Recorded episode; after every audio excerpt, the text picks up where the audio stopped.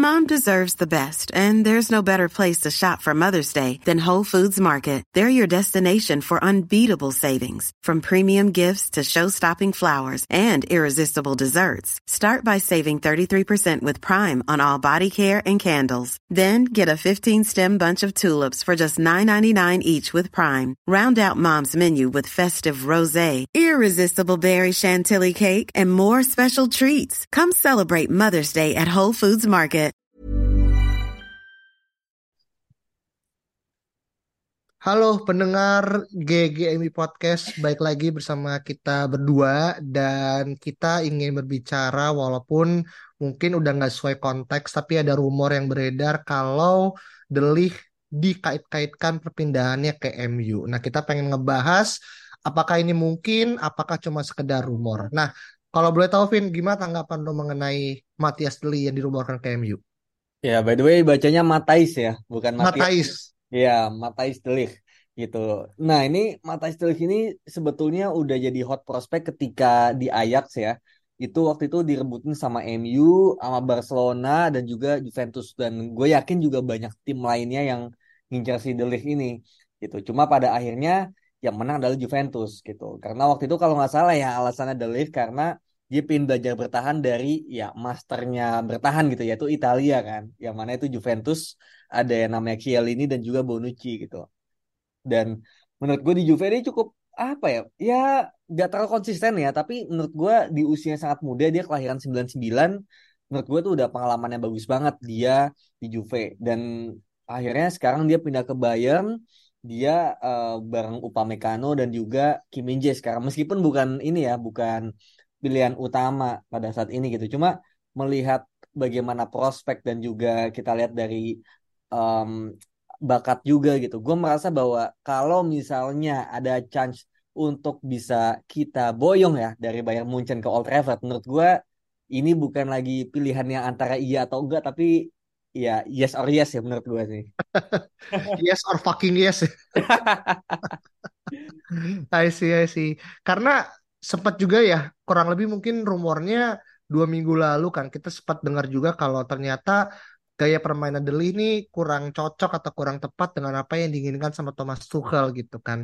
Makanya itu uh, berkembang menjadi rumor kalau ternyata keberadaan Delik ini tidak quote unquote disukai lah gitu kan secara style of play. Dan ini kalau kita lihat ya dari pertandingan terakhir antara Bayern lawan MU, Delik kan nggak main ya, atau tidak dimainkan lah. Yang dimainkan kan pairingnya antara Upamecano dan juga Kim Min Jae. Walaupun kemarin pas Bayern lawan kalau nggak salah siapa ya FC Bochum kalau nggak salah yang Bayern menang 7-0 ya yang uh, Harry Kane hat trick gitu kan. Delik main dari awal dan mencetak satu gol gitu kan lewat uh, sepak pojok gitu. Tapi gue nggak tahu tuh apakah itu uh, adalah caranya Tuchel untuk akhirnya mencoba untuk mengintegrasikan kembali. Tapi melihat pada jam starting yang uh, dimiliki sama Deleh di musim ini, Vin, di mana dia hanya sekali starter atau sekali, starting dari lima penampilan uh, yang dilakoni sama Bayern Munchen di awal musim ini adalah pertanda nggak sih untuk Deleh harus siap-siap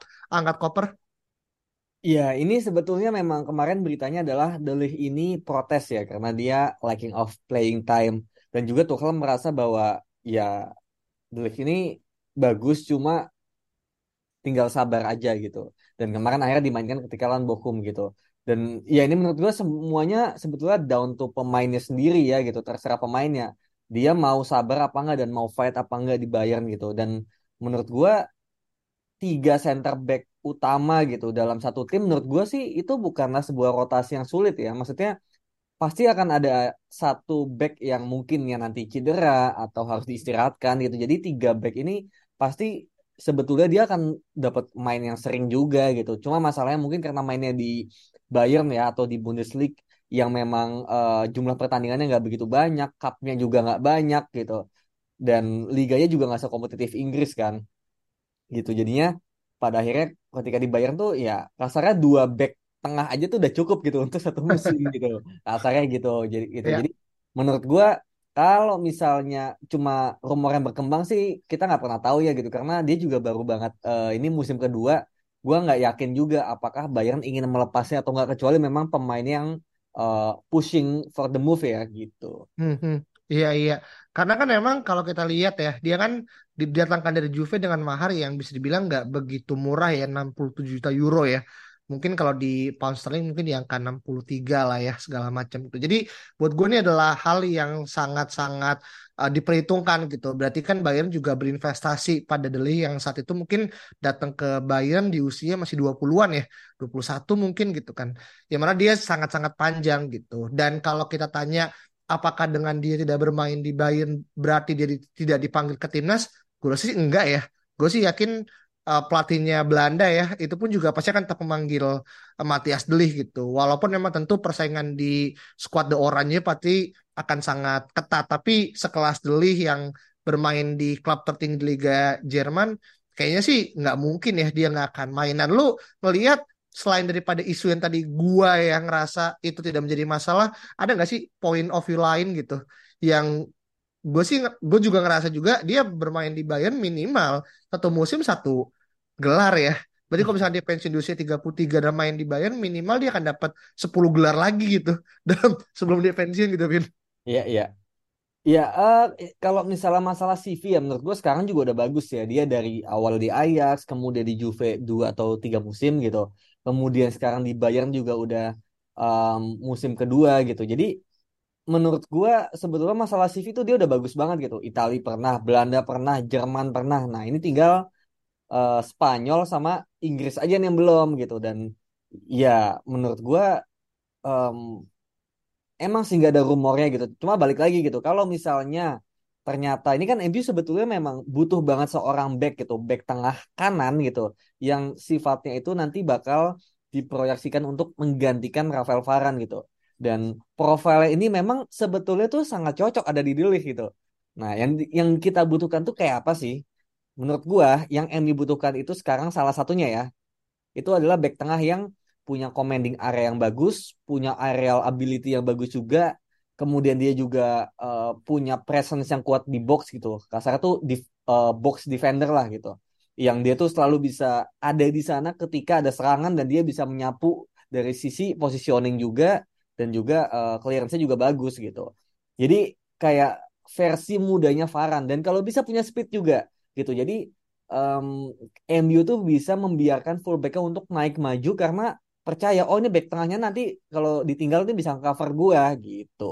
Gitu. Jadi menurut gua uh, uh, siapa namanya Matthijs De ini punya kemampuan-kemampuan yang tadi yang gue sebutin semua gitu. Cuma tinggal masalah harga dan juga mau apa hmm. enggak hmm. pemainnya gitu. Oke. Berarti kan proyeksinya ketika dia itu on board berarti kan akan mengisi satu posisi ya dan gue sih cukup yakin ketika kita membeli Delik dengan harga yang cukup mahal ya gue yakin sih di angka di atas 50 juta pasti kan sebagai starter gitu kan bukan sebagai main cadangan gitu. Konyol aja kita beli pemain di angka 50 ke atas tapi sebagai uh, apa namanya sebagai rotational player. Anas kita main Manchester City ya yang bisa ngebeli pemain dengan harga mahal tapi di tempat kan dari bangku cadangan gitu. Tapi MU nggak seloyal nggak seroyal itulah atau belum seroyal itu gitu kan. Nah ini gue juga baca nih Vini ya dari Indosport.com bahwasanya ada beberapa statistik ya antara Varan dan juga Matthias Delich gitu kan. Kurang lebih ada satu dua tiga kurang lebih 12 lah 12 percentage um, apa ya bisa dibilang ya dari mulai ball recoveries sampai dengan interception gitu kan. Yang mana mengejutkan ya Varan itu cuma menang di satu level doang. Itu adalah terkait dengan position loss gitu. Selebihnya itu all in itu masuk ke Matthias Delich gitu kan. Di mana kan berarti di usia yang sekarang masih 24 tahun gitu. Selain daripada Varan mungkin yang cedera dan mungkin trennya mulai menurun gitu. Berarti kan dia adalah dalam kondisi yang sudah matang dan masuk ke tahapan yang lebih tinggi. Nah pertanyaannya adalah apakah MU adalah tim yang tepat untuk Matthias Deli atau bukan gitu. Karena jangan sampai nih nanti banyak orang akan menganggap kepindahannya Deli dari Bayern ke MU adalah penurunan uh, kualitas gitu. Dan tentu ya pasti uh, rival-rival atau fans rival pasti akan anggap ini adalah suatu uh, bad movement ya dari dari Delik kalau misalkan jadi. Nah, lu ngelihat apakah MU adalah platform yang tepat untuk bisa mengakomodir aspirasinya Delik, Vin? Um, ya ini sebetulnya jawabannya sulit ya gitu. Uh, pertanyaannya sulit untuk dijawab gitu karena memang pada akhirnya ketika kita refleksi uh, permainan MU ya gitu di musim ini gitu yang lagi banyak banget uh, guncangan ya gitu. Jadi kita benar-benar nggak bisa menilai MU ini sebetulnya lagi dalam uh, track yang benar atau enggak gitu. Gitu. Jadi menurut gua dengan sebetulnya gitu ada Ten Hag kemudian juga um, udah tahu ya Ten Hag tuh seperti apa dulu di Ajax dan dulu kan Delis juga diasuhnya sama Ten Hag juga gitu. Di zamannya ada Frenkie De Jong, ada Donny van de Beek gitu. Jadi sebetulnya kalau ke MU tuh ya udah kenal gitu loh. Permainannya udah kenal. Um, dari sisi uh, personality juga udah kenal gitu. Ya lagi-lagi mungkin jadinya Ajax connection gitu. Cuma menurut gua kalau misalnya yang uh, ini Delis gitu ya menurut gue sih worth it aja gitu berapapun harganya ya asal ya 80 90 menurut gua masih masih worth untuk dibeli sih gitu. Menurut gua sih gitu. Kalau memang kita mau invest dan ada niatan dari uh, siapa namanya uh, manajemen untuk invest di back tengah dan menurut gua harus gitu karena Varane hmm. udah benar-benar nggak bisa diandelin untuk menjadi pemain yang week in week out gitu. Bukan masalah kemampuan ya, tapi masalah ya availability aja gitu loh. Itu aja sebetulnya yang bikin hmm. kalau ada pemain yang lain pemain lain yang cedera, ini Varane kalau lagi cedera juga ya kita mau pasang siapa gitu. Sampai kita pasang Johnny Evans itu kan tandanya udah separah itu gitu loh. Gitu Walaupun kemarin Johnny Evans sempat membuat asis ya If you thought the only way to get a more defined jawline with natural-looking results was through surgery, think again. Juvederm Volux XC is a non-surgical injectable gel filler that improves moderate to severe loss of jawline definition and can help you achieve natural-looking results with little downtime. Even better, this improved definition lasts up to one year with optimal treatment. No maintenance required. Improve jawline definition for a smooth, sculpted look with Juvederm Volux XC. For important safety information and to find a licensed specialist, visit juvederm.com. That's J U V E D E R M.com. Not for people with severe allergic reactions, allergies to lidocaine, or the proteins used in Juvederm. Common side effects include injection site redness, swelling, pain, tenderness, firmness, lumps, bumps, bruising, discoloration, or itching. There's a risk of unintentional injection into a blood vessel, which can cause vision abnormalities, blindness, stroke, temporary scabs, or scarring. Talk to a licensed specialist to find out if it's right for you. I'm Sandra, and I'm just the professional your small business was looking for. But you didn't hire me because you didn't use LinkedIn jobs. LinkedIn has professionals you can't find anywhere else, including those who aren't actively looking for a new job but might be open to the perfect role, like me. In a given month, over 70% of LinkedIn users don't visit other leading job sites. So if you're not looking on LinkedIn, you'll miss out on great candidates like Sandra. Start hiring professionals like a professional. Post your free job on linkedin.com slash people today. Maksudnya bagus ya pakai kaki kiri gitu kan dan diselesaikan secara ciamik oleh Bruno Fernandes. Tapi well tentu kita nggak bisa menggantungkan harapan kita pada Johnny Evans secara usia bahkan lebih tua daripada Varane Nevin ya. Iya. dan ini kan semacam kayak rebornnya Evans ya 2.0-nya di DMU gitu. Jadi menurut gue sih tentu kedatangan Evans lebih kepada backup ya bukan sebagai first options gitu kan. Nah, ini gue yakin semua orang paham sih. Nah, mungkin gini, uh, ini mungkin salah satu pertanyaan terakhir ya mengenai bagaimana kira kita menanggapi rumor Matias Delih untuk ke MU adalah uh, tadi seperti lu sempat nyinggung, nyinggung masalah Ajax connection gitu kan. Dan tentu gue yakin 1000% ketika Ten Hag mendengar kalau dari board atau manajemen memberikan ACC secara funds dan secara negosiasi yang akan di mulai oleh uh, siapa namanya uh, Richard Arnold ya uh, untuk akhirnya terbang ke Munchen misal nanti di bulan uh, musim dingin ya di Januari gitu. Berarti dia akan sangat-sangat senang banget karena kan dia ex anak asuhnya gitu. Nah, apakah ini semakin mengukuhkan kalau MU tidak akan berpindah ke lain hati dari bagaimana Ten Hag yang punya subjektivitas Win atau untuk Castley ini bisa diputihkan karena simple ya emang dia punya kualitas gitu.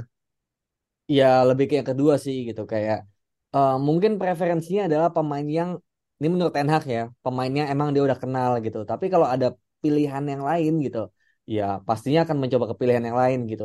Nah ini kan lebih kepada availability-nya juga. Kalau memang pada akhirnya Delik ini available gitu dan memang dia pushing for the move ya menurut gua sayang banget kalau kita juga nggak mencoba untuk testing the water gitu dengan harga berapapun itu gitu. Jadi menurut gue ke situ ya dulu. Kalau misalnya ternyata nanti the nggak apa ya nggak ada niatan lah buat pergi, ya udah kita nggak usah terlalu ngejar si De Ligt gitu.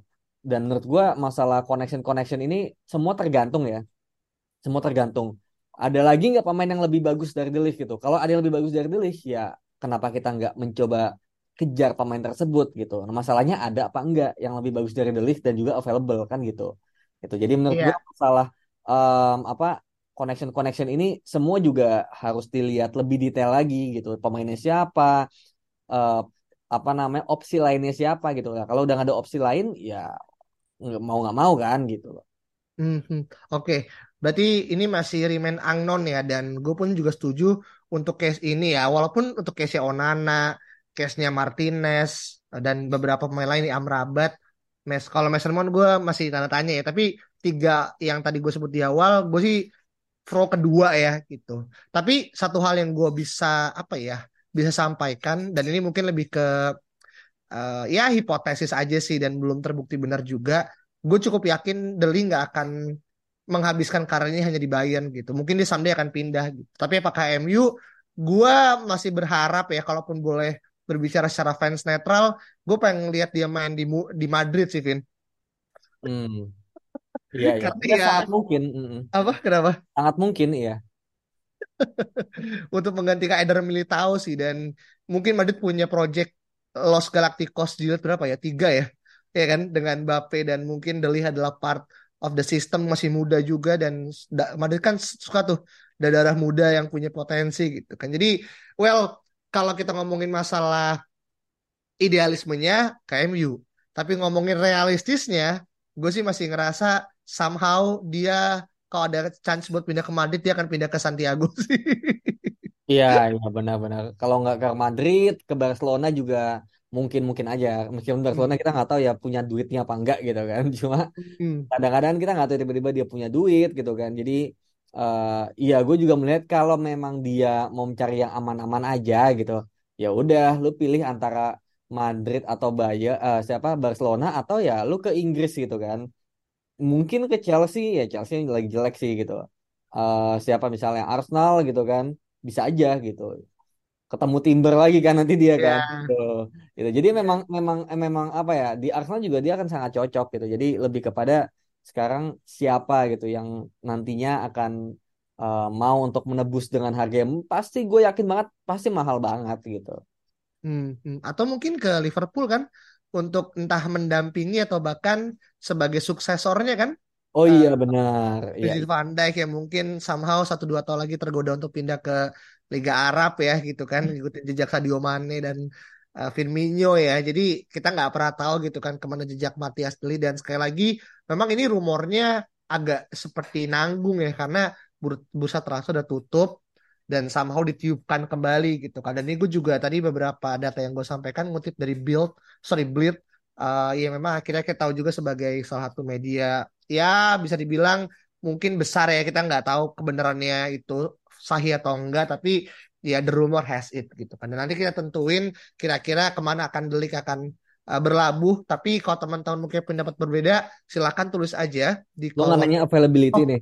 oh iya sorry gue Eh lupa chance ya. karena Ah. Ini kayaknya nih bener-bener kayak kayak petir di siang bolong aja sih denger konteks Deli yang tiba-tiba punya konflik dengan Tuchel gitu oke deh Uh, biar melengkapkan ya dan nggak jauh beda gitu. Lo ngeliatnya berapa? Tapi gue yakin sih pasti kecil. Iya, iya kecil banget lah. Gua anggap eh, dua lah gitu. Dua tuh karena lebih kepada sebenarnya gue pengen bilang nol ya karena gue nggak yakin Bayern akan melepas. Cuma duanya ini lebih kepada kalau misalnya dia pindah akan cukup besar chance untuk mau ke MU gitu karena ya faktor Ten Hag itu gitu sih. Hmm, oke, oke. Berarti emang ujung-ujungnya tuh dalam bursa transfer nih, mungkin semusim dua musim terakhir tuh nama Ten Hag emang gendong ya. Ya tergantung juga ya musim ini masuk Liga Champions apa eh, performanya gimana, kita masuk Liga Champion atau enggak gitu. Mungkin kalau misalnya misalnya ya kita terlempar musim depan nggak masuk Liga Champion ya, kalaupun De Ligt mau pindah nggak akan mau ke kita sih kayaknya gitu. Hmm, ya, Ya, ya faktor kita lihat lah. Atau mungkin ya tetap dapat pemain anak asuhnya ex Ten Hag, tapi ya tentu kualitasnya grade-nya bukan grade-nya De Ligt gitu. bisa Yang bisa. ada, ya kan? Ya Karena kita karena terbuka memang ya karena memang De Ligt ini kan versi yang apa ya eh, hot prospect udah jadi juga gitu ya sebenarnya bukan jadi jadi banget ya tapi sailingnya tuh emang tinggi banget gitu cuma kalau misalnya ternyata nggak available ya menurut gue kita nggak perlu inilah nggak perlu apa ya, kayak menganggap bahwa Delir ini satu-satunya gitu banyak kok opsi-opsi lain yang profile tuh mirip Delir dan memang mungkin dia available dan juga harganya nggak semahal Delir gitu nantinya contohnya misalnya kayak uh, Antonio Silva gitu. Ah, ya, Gitu. Itu mungkin pemain lain yang mungkin nanti bakal kita bahas secara tersendiri yang secara profil menurut gue dia sangat cocok main di RCB menggantikan Varane dan juga punya kualitas leadership gitu sih. Hmm. Dan ah, ah, tadi si Antonio Silva ya, itu ngingetin gue sama Ruben Dias sih. Iya. Eh, hampir mirip kan. Eh, ya, jadi ini kasarnya kayak cepet-cepetan ini sih siapa yang akan menangkap eh, apa namanya Antonio Silva sih. Oh, betul. Karena karena gini bro, apa ya? Gue gue merasa kita tuh bener-bener kayak nggak punya back yang apa ya? eh, punya leadership selain Varane ya, punya leadership, garang dan juga sangat-sangat bisa diandalkan gitu. Kalau City kan punya Ruben Dias nih ya, yang ya lu lihat Ah. sendiri lah Ruben Dias kayak gimana gitu. Dia dia mungkin dari sisi passingnya nggak sebagus yang lain gitu, tapi presence-nya itu loh gitu dan leadership-nya. Kita pernah lihat kan, gue pernah lihat ada klip video eh, di international break kemarin, Ruben Dias itu berdebat sama Bruno Fernandes men di timnas Portugal gitu. Jadi ini dua orang nih kayak sama-sama vokal di ruang ganti ataupun di lapangan gitu. Gitu antara Bruno dan juga sama Ruben Dias gitu. Hmm. Makanya mungkin gue gua gue cuma ngeliat aja sini ini mungkin gak terlalu penting ya, cuma intermezzo aja. Kayak pas di final Piala FA kemarin kan MU kalah ya. Dan Ya. kemudian ada eh, ya salam-salaman lah antar pemain Portugal, ada Dalot, ada Bruno, Bernardo dan Ruben Dias itu gue tidak melihat Bruno Fernandes itu nyamperin Ruben Dias gitu. gue ngeliatnya Bruno tuh deketnya masih Bernardo Silva gitu. Jadi ya gue nggak tahu ya mungkin nggak ketangkap kamera aja gitu. Cuma kayak Hmm. yang langsung disamperin itu ya Bernardo Silva gitu. Jadi mungkin memang Dias dan Bruno ini nggak terlalu nyambung gitu. Cuma balik ke eh, masalah back tengah tadi, ya kita nggak punya men gitu pemain yang seperti itu. Liverpool punya Van Dijk, Em, siapa lagi? Tim-tim kuat itu punya back-back tengah yang emang apa ya vokal bisa diandalkan dan punya leadership gitu. Kita cuma Varane dan dia nggak selalu bisa main gitu. Jadi kalau mau jadi top tier menurut gua gitu, ya kita harus literally punya back yang bisa diandalkan dan sangat kuat gitu sih. Iya. Karena terakhir kali kita datengin back dari Benfica ya Victor Lindelof ya. Bener juga, iya iya. Iya kan? Dan ini berarti Antonio Silva ini adalah gambling apakah dia akan men- mengikuti jejaknya Lindelof atau jejak Ruben Dias. Iya benar benar benar. Tapi kita nggak bilang Lindelof jelek ya, cuma gue kayak kita nggak bisa lah menyamakan levelnya Dias dan juga Lindelof dalam satu kategori yang sama ya gitu ya. Tentu kelihatan lah secara statistik dan juga bagaimana akhirnya dua orang ini adalah tipikal yang berbeda secara kualitas gitu kan. Tapi ya, well, nanti kita akan bahas kalau emang akhirnya ada rumor bagaimana akhirnya Antonio Silva dan kita akan mencari apa korelasi antara Antonio Silva dan juga Ten Hag gitu. Siapa tahu ya mereka pun pernah dat eh, Ten Hag pernah nonton Antonio Silva gitu pas usia masih 13 tahun. Terus kayak boleh juga nih enak nih ya. Gue pantau gitu kan ternyata baru direalisasikan tuh ntar mungkin tahun 2024 ke atas. Iya. Kita nggak tahu tiba-tiba ada leak apa fake atau apa foto yang ada salaman antara Diaz dan dan juga siapa eh sorry eh, Silva dan juga Ten Hag nanti gitu. Kakaknya tunggu aja lah ya gimana kelanjutan dari rumor ini. So thank you so much teman-teman. Kita ketemu lagi deh berikut ya. Bye bye.